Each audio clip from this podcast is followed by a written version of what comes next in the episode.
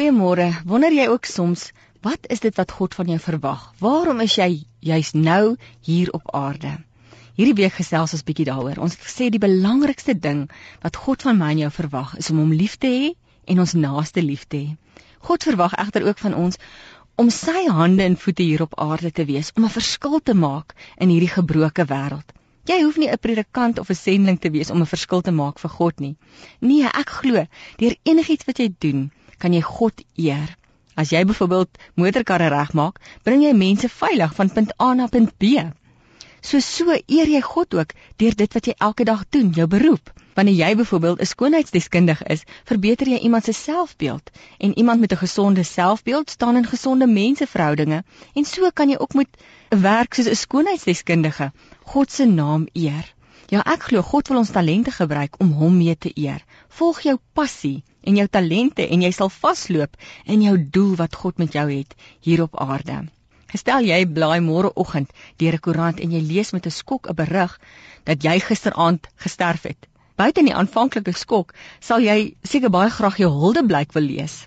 Bogenoemde mag absurd klink, maar dis presies wat gebeur het in die 20ste eeu met 'n man met die naam Alfred. Hy het die koerant oopgeslaan en gesien plofstof koning sterf. Reg deur die artikel het die joernalis na hom verwys as die handelaar van die dood, omrede hy dinamiet ontwerp het. Wat Alfred veral geskok het, was toe hy besef het die joernalis het tog 'n punt beet, maar hy wou nie as die handelaar van die dood bekend staan nie. En in, in daardie oomblik het Alfred besef dat hy 'n tweede kans gekry het, een om sy toekomstige grafskrif of sy huldeblyk dan te verander.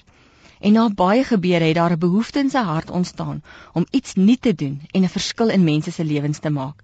Vir die res van Alfred Nobel se lewe het hy sy tyd en energie en geld aan opheffingswerk en die bevordering van vrede tussen verskillende strydende groepe spandeer.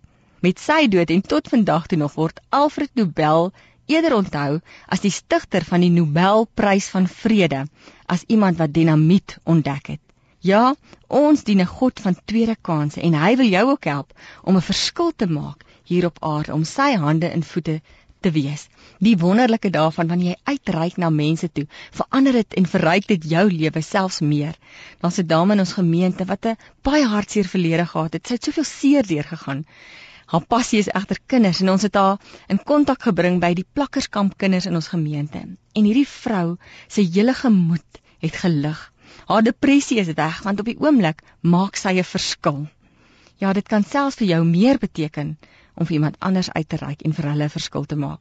Karel Menninger het gesê, as jy eensaam en ongelukkig is, sluit die deur agter jou, loop oor die straat, soek iemand wat seer gekry het en help hom.